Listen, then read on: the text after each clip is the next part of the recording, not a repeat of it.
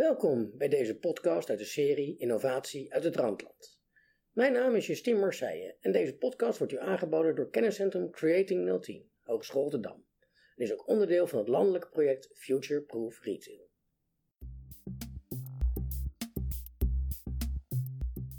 Wat is er aan de hand? Terwijl retailreuzen het moeilijk hebben, zien we, vaak buiten de steden of diep in de wijk, kleine wonderen gebeuren. In deze serie gaan we in gesprek met innovatieve retailers die het anders doen dan de norm. Laat je inspireren.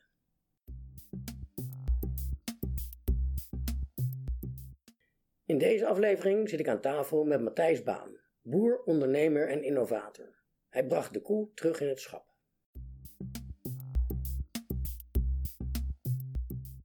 Nou, ik ben uh, Matthijs Baan. Ik ben uh, ondernemer, melkveehouder ik heb een uh, kinderdagverblijf.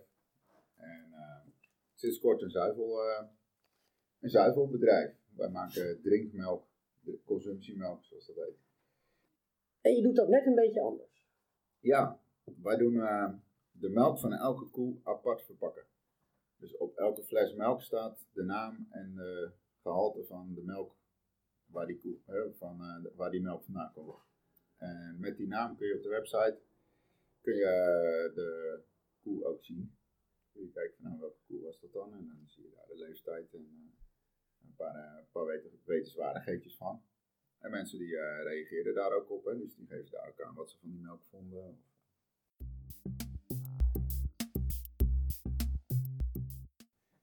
Wat doe je anders dan anderen? Nou, de, de, het meest onderscheidend is um, de beleving die wij aan ons product, product koppelen. Om, dus dat je, als je een fles melk van ons pakt, dan zie je daarop van welke koe dat is. En dat, je kan die koe er dus bij pakken via je mobiel. Dat geeft, een, uh, dat geeft verbinding met de oorsprong van het product. Het, is niet een fabriek naar een Campina of een Nestlé of een, uh, waar, je, waar, je, ja, waar je in principe naar een fabriek kijkt, maar je kijkt naar het dier die echt die melk die jij in het drinken bent gemaakt heeft. En dat stukje oorsprong beleven, dat is uh, zoiets als uh, mannen die vuur maken. dat is gewoon een innerlijke drijf. En je wil als mens, wil je gewoon toch wel ergens diep van binnen, wil je gewoon weten waar je eten vandaan komt. Omdat ja, zo'n een kernkwaliteit van hoe jij je eten ervaart. Als je van een fles wijn koopt in de winkel, dan zegt de naam die er op die wijn staat niks. Maar als je hem zelf gehaald hebt in Frankrijk, misschien wel van diezelfde boerderij, dan is opeens die wijn gewoon lekkerder. Dat is die ook gewoon feitelijk. Niet omdat die wijn anders is, maar omdat jouw beleving anders is. die beleving die bieden wij aan, onze, uh, aan ons product. Op deze manier maak je eigenlijk dat uh, de consument die het drinkt, die ziet die koe, die kan terugkijken, die kan ons bedrijf zien, die ziet dat wij daar werken, die ziet die, eh, dan heb je een beleving bij het product, maar dat verbindt. En die verbinding zorgt dat mensen vragen stellen via de mail over het product, over de koe. En dat, dat is heel breed wat daar binnenkomt. Uh, dat maakt dat ik wel daar werken heb natuurlijk. Maar aan de andere kant is, dat is ontzettend bevredigend dat je een product maakt. En voor mij dus een beleving toevoegt aan het produceren. Omdat ik contact heb met de mensen die het drinken. En die maken zich bijvoorbeeld druk om een koe en die zien op de foto dat die koe een schaafwond heeft aan de poot. Nou, dan kun je zien, uh, dan kun je natuurlijk boos worden en denken van, oh, wat een altijd. Hè. maar ik vind het hartstikke leuk, want dat betekent dat die consument, die heeft niet alleen genoten van het product, die heeft de koe opgezocht, heeft hij de moeite voor gedaan, heeft ook nog eens de moeite gedaan, genomen om wat hem opviel aan die koe, uh, hè, om daar een vraag over te stellen. En ik moet dat gewoon uitleggen en ik moet het ook uit kunnen leggen dat is toch ook gewoon een verantwoordelijkheid. Dus ik zie dat toch niet echt als kritiek of zo. En ik vind het juist leuk. En vaak kom je dan in dialoog en um, verbind je dus elkaar. En is die verbinding, is dat dan een onderdeel van het product en die beleving? Ja. Eh, dat het dichter bij elkaar komt, dat er schakels tussenuit zijn? Ja, en je moet dat ook willen. En dat wil ik ook echt. Ik heb bijvoorbeeld dus geen uh, frequently asked questions op mijn website. Want ik wil dat als mensen een vraag hebben, moeten ze hem gewoon stellen. En uh, dan, A vind ik dat uh, zeer onservicegericht als je FAQ hebt. Uh, en bij als ik het te druk mee krijg, kan ik altijd nog een bot installeren. Ja. Nee? Maar dan, ik wil dat het persoonlijk blijft. Ja. En, ehm, ja, dat, en de- want ik wil die verbinding maken. En ik merk dus ook dat dat werkt, want mensen die, eh, er is gewoon een heel groot aandeel mensen die ons product beginnen te drinken en die raken er niet meer af, want die zijn fan, die zijn niet eh, trouwe klant of eh, weet maar ze zijn fan van je product. Ja, we zitten nu op ongeveer 60 reacties op de koeien per week. Dat vind ik echt wel een aardige score. Ja. Dus 60 mensen dus de moeite nemen om iets te posten waar ze eigenlijk, helemaal, eigenlijk van weten dat het helemaal nergens terecht komt. Ja. Gewoon omdat ze het even kwijt willen. Want iedereen weet dat dat in principe, behalve door mij, door niemand gelezen wordt, die koe in ieder geval niet. Ehm, en dan een tweede punt is kwaliteit.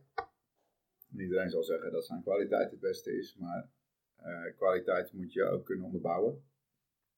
En de melk in eh eigenlijk de hele wereld wordt eh, ja, tussen de 2 en eigenlijk in 90% van de gevallen na 3,5 dag pas gepasteuriseerd. En eh, wij doen dat in principe ja, gemiddeld na 6 minuten na het melken. Zo. Dus van 3 dagen naar 6 minuten. Wij zeggen op onze website van binnen 10 minuten. Ja. En dat maakt eh, dat onze melk eh, gewoon ook veel verser smaakt, maar ook veel verser is. En een van de bewijzen daarvan is de houdbaarheid bijvoorbeeld. Want juist omdat wij die melk snel verwerken en helemaal niet bewerken, eh, is die houdbaarheid 16 dagen. En dat is gewoon heel erg veel. Is langer dan normaal. Is langer dan normaal. Oké. Maar dat komt omdat je met een zuiver product begint. Ja. Nou, dan is nog een derde punt op kwaliteit. Ehm, dat op een boerderij, daar wordt elke tank, dus na drie dagen geleegd wordt, die wordt gemonsterd op kwaliteit. En bij ons wordt elke melkbeurt gemonsterd op kwaliteit. Dus als er een koe tussen zit die niet helemaal lekker is, dan is dat in je tank niet erg. Maar als er een tussen zit die ehm, eh, in de fles gaat, ja, dan is dat eh, in één keer foute boel. Daarin heb je een stuk winst op zuiverheid en een stuk omdat je dus binnen 10 minuten verwerkt. Eh, die kwaliteit eh, is alleen bij elke melk zo. En nergens in de wereld. Dat is wel bijzonder. En dat is echt bijzonder, ja. ja. Daar is ook een jaar om gelachen. Oh, vertel. Nou ja, als je dit idee eh, dropt eh, drie jaar geleden, dan. eh, ik heb eh, ruim 40 bedrijven aangeschreven om te helpen bij het ontwikkelen. En van degenen die eh, de moeite namen om erop te reageren, waren de meeste reacties een beetje van: eh, en, eh, weet je, zo'n idioot plan. Meen je dit nou serieus? Dat is een tip die kan je iedereen gelijk meenemen: van hoe harder je uitgelachen wordt, hoe beter je onderweg bent. ja, kijk, als iedereen je, je plan snapt en eh, weet wat je wil en het eh, een goed idee vindt, dan ben je niet uniek. En, en kan je nog wel iets meer vertellen over, de, over waar dat dan moeilijk zat? Of waar dat dan niet geaccepteerd werd? Want je gaf wel aan, er waren wel veel mensen die in eerste instantie het niet zagen zitten. Ja, nou kijk, je komt natuurlijk, eh, je gaat vragen stellen aan bedrijven en ook niet altijd aan de juiste persoon. Je, stuurt naar een eh, bedrijf die bijvoorbeeld ehm, eh, ehm, hygiënische keerkleppen ehm, produceert. Joh, kunnen jullie voor mij een keerkleppen maken met een kleinere diameter? En dan krijg je een mailtje terug van, ja, weet je, waar wil je dat ervoor? Nou, dan leg je het uit en dan krijg je een mailtje terug van, eh, ja, weet je, dat zou wel kunnen, maar dat eh, kost 10.000 euro per klep. En aangezien je er waarschijnlijk een 20 nodig hebt, dan kun jij niet betalen. Ik heb uiteindelijk 15 gekocht, Oh. maar niet daar. Dus Dus wat je ze anders zien, gedaan- het niet, ze, ze zien het plaatje niet. En dat was ook bij eh, een aantal ontwikkelingsbedrijven. Waar dan, waar- ik heb wel een paar keer ook het verhaal nog gedaan. Maar dan aan het eind was het van ja, het is best een leuk idee. Maar hier is geen markt voor of dit durven we niet aan. Of, en uiteindelijk kwam ik bij Top BV in Wageningen dan. En die, ehm, ja, die zagen de potentie. En dan ga je met elkaar in gesprek. En dan krijg je op een gegeven moment krijg je een soort positieve drive van elkaar. En dan kom je tenminste ja, dan op een gegeven moment trek je elkaar over de streep.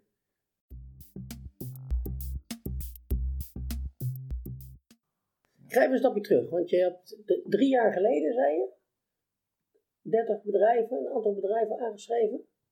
Ja, om de technieken mee te eh, ontwikkelen, om te kijken wat we daarin eh, kunnen. Eigenlijk begon het met de masterclass, dat een platteland. Het begon eigenlijk bij de masterclass, daar, ehm, Nou ja, ook nog eerder begonnen, begint het bij jou als persoon. Kijk, eh, ik wil gewoon innoveren. Ik vind het leuk om nieuwe dingen te starten, om, om, om iets anders, anders te doen. Uh, het is een stukje ondernemerschap. Wat je, ja, dat is wat je leuk moet vinden. Dus moet je drijven een beetje zijn. Uh, maar uh, de boerderij had ik altijd al, alleen ik heb nooit iets kunnen verzinnen met die melk.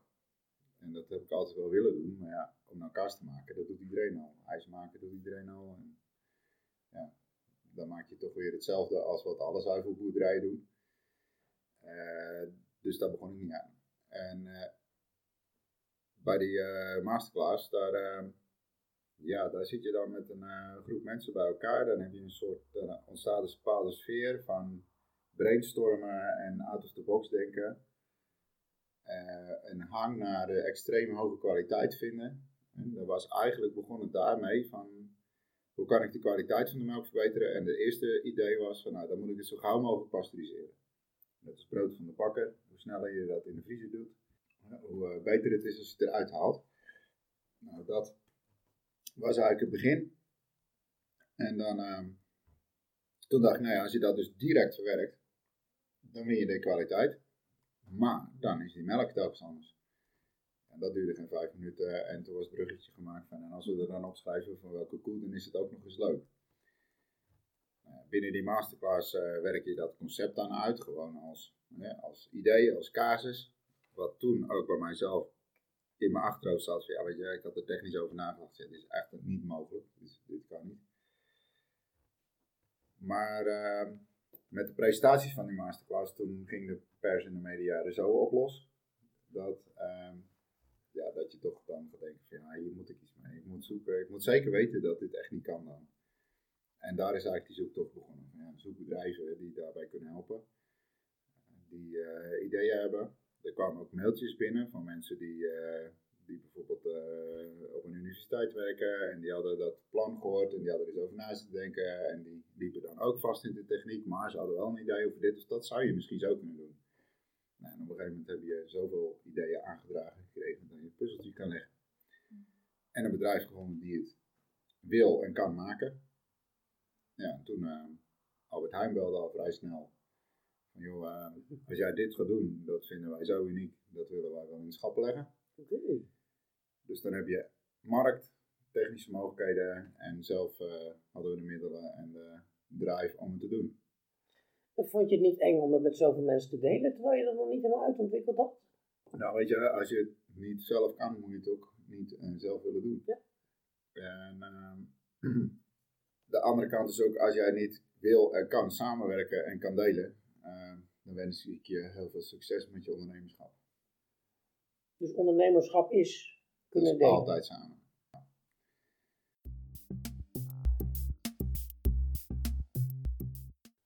Want als ik het goed begrijp, zit er een heel groot verschil, vooral het verschil in de manier waarop je het verzamelt en uitlevert. Dus die koe is hetzelfde, het winkelschap is ook een soort van hetzelfde, maar daartussen heb jij een nieuwe manier verzonnen, uh, waardoor je het anders kan opslaan, anders kan uitserveren ja. en anders kan letterlijk marketen. Ja.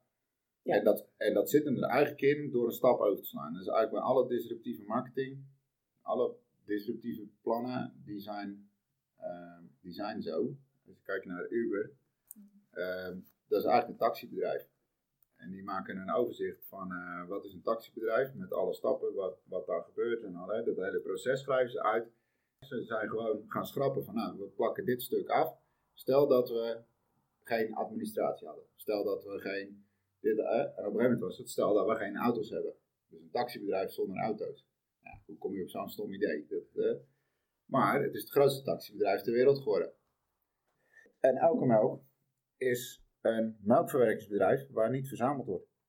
Ja. Er wordt niet verzameld. Zo is het eigenlijk. Uh, alleen, het is in dit geval niet gekomen.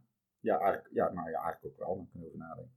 Eigenlijk hebben we, heb ik in mijn hoofd hetzelfde plaatje gemaakt van nou, we melken een koe.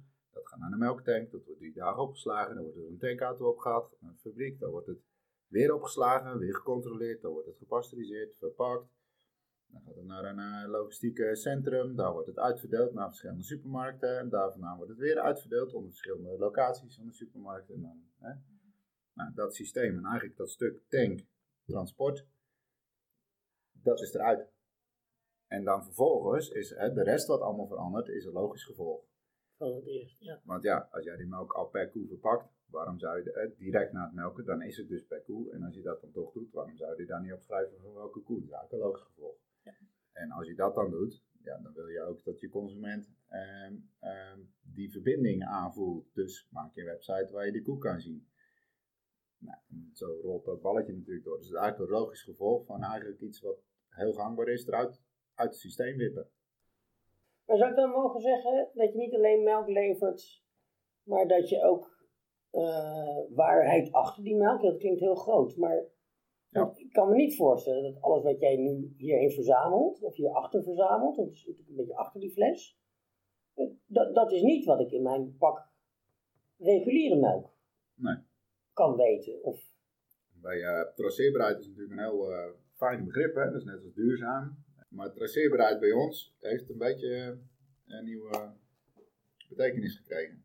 Nou, als je van een ander merk pakt, je gaat dan de fabriek bel je op en dan zeg je, waar komt deze melk nou vandaan? Dan kunnen ze je hoog uitstellen in welke van de vier fabrieken die vandaan komt. En ze kunnen je eigenlijk bij benadering vertellen welke dag die verwerkt is, maar daar houdt dat al op. Maar ze kunnen absoluut niet zeggen van welke bedrijven dat die komt. Want er zit van, eigenlijk van uh, zeg maar 5.000, 6.000 boeren zit een druppel melk in jouw pak. Dus die traceerbaarheid is weg. En ik kan de traceerbaarheid tot aan de geboorte van de koe, deze koe, kan ik jou alles vertellen over deze melk. Traceerbaar tot aan de oorsprong? Ja. ja. En uh, ik heb zelf er een term voor verzonnen. Je hebt upstream en downstream traceerbaarheid. Dus alle producten in de markt uh, die zijn upstream, zijn ze traceerbaar. Dus als ik een fout maak, dan kunnen we wel alle pakken melk uiteindelijk uit de supermarkt halen waar die fout in voor kan komen. Want uh, dat kan, we kunnen wel traceren van oké, die fout is in die tank gebeurd en daarna is dat verwerkt en daar vandaan. En, dus dat kan wel, maar downstream kan niet. Dus als je een pak melk hebt en die klopt niet, dan kun je niet terugkijken van even welke koe komt dat. Je, je kan helemaal niks terugkijken. Dat, er is gewoon geen downstream traceerbaarheid.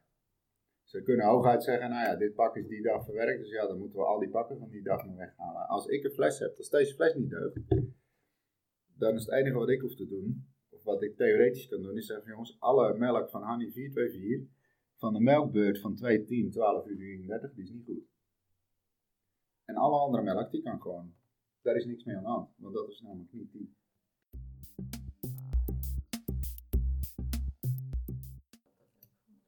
Wat kwam je tegen in je innovatieproces en in je, jij als innovator, uh, wat gewoon heel lastig was en wat heel erg tegenviel?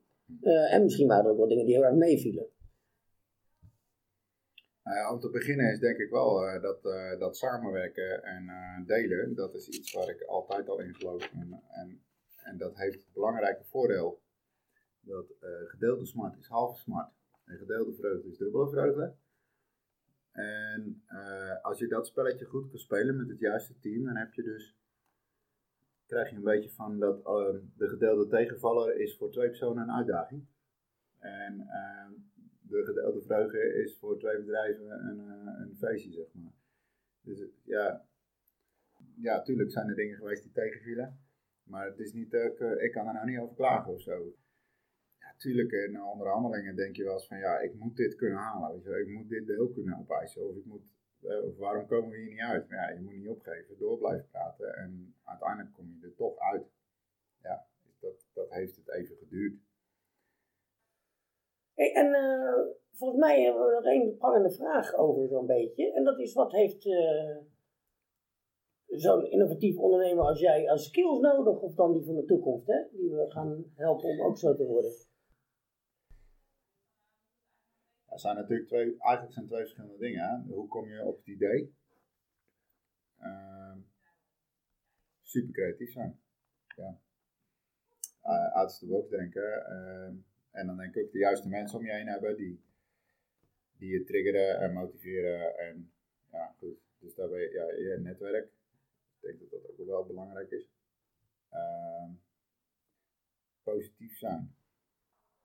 Zodra je eenmaal in de spiraal komt van, eh, nou dit is te moeilijk of dit zit niet zitten, of eh, ja, dan kan je andere mensen niet meer motiveren om hun kennis te delen. Dan, raak je, dan gaat de spirit uit je team.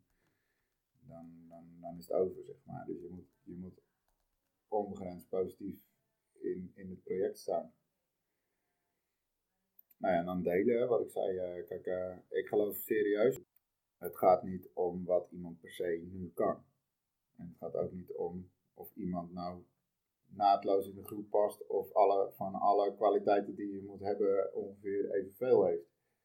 Uh, het gaat erom dat iemand uh, gewoon positief is en uh, kennis heeft van zijn eigen kwaliteiten en tekortkomingen. En als jij positief bent, dan hoef je niet alle kwaliteiten te hebben. Als je maar een goed team hebt en de juiste mensen bij elkaar zoekt. En vooral niet de mensen die in jouw straatje passen, want die zijn namelijk net als jij. Die hebben dezelfde kwaliteiten. Ja. En dan kom je niet verder. Je, juist, je moet juist durven werken met de mensen die niet per se bij je passen. Positief, delen, geloof. Durven falen, is dat er ook nog eentje? Nee, je moet niet geloven in falen. Er bestaat niet zoiets als falen. Ja, dat een controlevraag. nee, maar ja, mensen vragen dat inderdaad vaker. Maar, maar ja, wanneer had ik dan gefaald? Als het technisch niet gelukt had. Maar als wij, wij hebben met, een, met het perfecte team samengewerkt, zeg maar. iedereen heeft het beste gegeven. Als het dan technisch onmogelijk blijkt, dan heb je niet gefaald. Maar dan, heb je, dan is het je gelukt om te onderzoeken of het kan. Ja.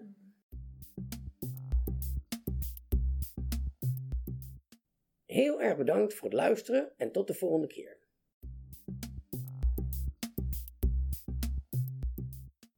Podcast had er niet kunnen zijn zonder de experts die ons hebben geholpen in het proces van ontdekken. Paulien Schouwenburg, Alexander Grit, Guus Broos, Koen Martijn Hofland, Wouter Spijkerman en Esther Vlaswinkel. Ontzettend bedankt voor jullie input. De podcast werd geproduceerd door Kenniscentrum Creating 010, Hogeschool Rotterdam, en valt onder het landelijke project Futureproof Retail. Check de website futureproofretail.nl voor meer informatie.